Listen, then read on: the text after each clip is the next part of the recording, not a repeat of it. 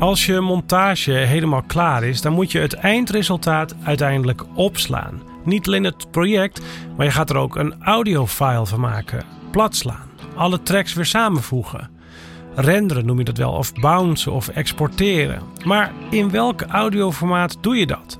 In MP3 of in WAV of in nog iets heel anders? Dit is Kennisbank aflevering 49. In welk audioformaat moet je je podcast opslaan? Ik ben Hajo Magree.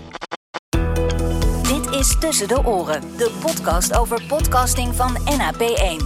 Wij maken audiocontent. Zoals ik al eens eerder heb uitgelegd, versturen we het geluid van een podcast niet naar onze luisteraars als een WAV-bestand. Want dat is uncompressed, lossless. En een WAV-bestand van 30 minuten in 48 kHz 24 bit stereo is ongeveer 520 MB. En dat is veel te groot om even naar een willekeurige luisteraar op te sturen. Dus maken we er in principe een MP3 van. MP3 is een compressed audioformaat, waarbij er dus een flink deel van het geluid, van de geluidsinformatie, is weggegooid omdat we het bestand kleiner maken. En dat weggooien wordt heel slim gedaan, zodat je het bijna niet hoort, maar er verdwijnt wel degelijk geluidsinformatie. Dus het simpele antwoord is: als je een podcast opslaat, dan doe je dat als MP3. Maar, en nou komt het, daar zijn eigenlijk nog drie mitsen en maren bij te verzinnen. Namelijk 1. Wat voor MP3 dan? 2. Wil jouw podcast host wel een MP3 hebben? En 3. Wat sla je op als archief? Oké, eerst die eerste vraag. Wat voor MP3 dan? Want MP3's die heb je weer in allerlei soorten en maten. En die soorten en maten die hebben vooral te maken met iets dat bitrate wordt genoemd. Veel voorkomende bitrates voor MP3's zijn bijvoorbeeld 128 kbps, 160 kbps, 192, 256 en 320. Even die informatie ontrafelen. kbps, kilobit per seconde. Een kilobit is 1000 bits en een bit is de kleinst mogelijke informatie-eenheid in computerland. En dat per seconde betekent dus hoeveel bits er gebruikt worden voor een seconde geluid. Bij een MP3 van 128 kbps heb je 128.000 bits nodig per seconde geluid. En daar moet alles in gebeuren. Alles wat je het menselijk oor wil laten bereiken, moet gepropt worden in die 128.000 bits. En de rest wordt weggegooid.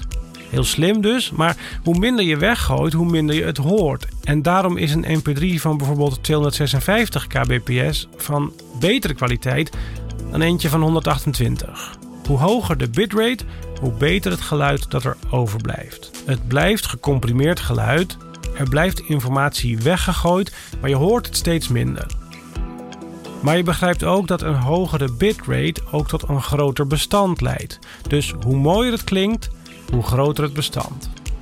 Nou zullen veel mensen zeggen dat een mp3 van 128 kbps wel voldoende is voor gesproken woord. Dat je dat niet meer van cd-kwaliteit kunt onderscheiden. Nou, persoonlijk hoor ik dat nog net wel. En zeker als er ook nog muziek gebruikt wordt in de podcast, hoor ik het helemaal.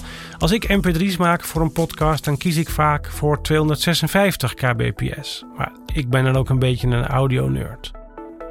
Oké, tot zover de vraag: wat voor mp3 dan? Vraag 2 was: wil jouw podcast host wel een MP3 hebben? Kijk, het punt is dat de meeste podcast hostingbedrijven het geluid wat jij daar naartoe uploadt niet in één keer doorzetten naar de luisteraar. Wij zitten met de meeste van onze klanten bij Art19 en wat ik ook aan ze upload, zij encoderen het altijd terug naar 128 kbps, een MP3 dus. Ik heb heel erg zitten spitten in een documentatie en dan kan ik dat vinden. Maar voor Spotify maken ze zelf alweer een ander formaat, zodat Spotify dat niet ook nog eens om hoeft te zetten. Spotify wil namelijk geen mp3's.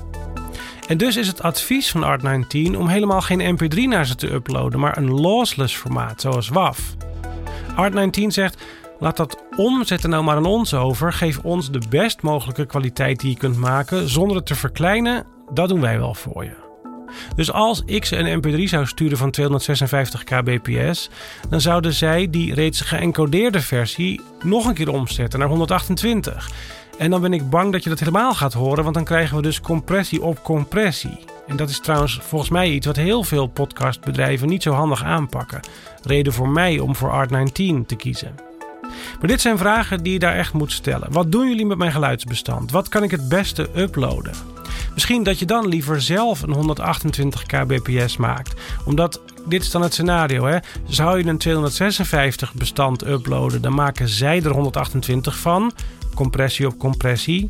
Maar als je zelf al een 128 kbps MP3 aan ze aanbiedt, dan blijven ze er misschien wel vanaf, omdat ze dan zien dat het al 128 kbps is. Dit soort dingen wil je weten. Dus vraag 2 kan ik niet super specifiek beantwoorden. Vraag 2 was: wat wil je podcast host hebben? Nou, dat moet je vooral uitzoeken. Persoonlijk kies ik om deze reden voor Art19. Dan vraag 3: wat doe je met je archief? Nou ben ik hier zelf niet zo heel erg secuur in, moet ik eerlijk zeggen. Maar mijn officiële advies, waar ik zelf ook wat beter naar moet luisteren, zou toch altijd zijn om ook een lossless formaat te exporteren uit je editing software. Dus een WAV of een Apple Lossless. Want misschien dat jij over 10 jaar het project dat je hebt gemaakt met alle tracks los en alle plugins en zo niet meer kunt openen in je audio editor, omdat je inmiddels in een andere editor werkt. Of omdat allerlei plugins die je toen gebruikte er niet meer zijn, of dat je daar geen licentie meer voor hebt, of wat voor reden dan ook. Daarom is het prettig om nog een ongecomprimeerd audiobestand te bewaren van je podcast, zodat je er alles nog mee kan doen: stukjes uitknippen, opnieuw encoderen enzovoort. In het extreemste geval zou je dan natuurlijk eigenlijk per track weer moeten doen. Maar dat gaat mij te ver. Ik zou adviseren één export te maken, maar dan wel in een uncompressed audioformaat. En dat dan eigenlijk ergens in de cloud opslaan, zodat je er altijd een kopie van terug kunt vinden. Dat was het. Je kunt de informatie uit deze aflevering ook terugvinden in de podcast Kennisbank op onze website. Dit was Tussen de Oren van NAP1. Wij maken audiocontent. NAP1.nl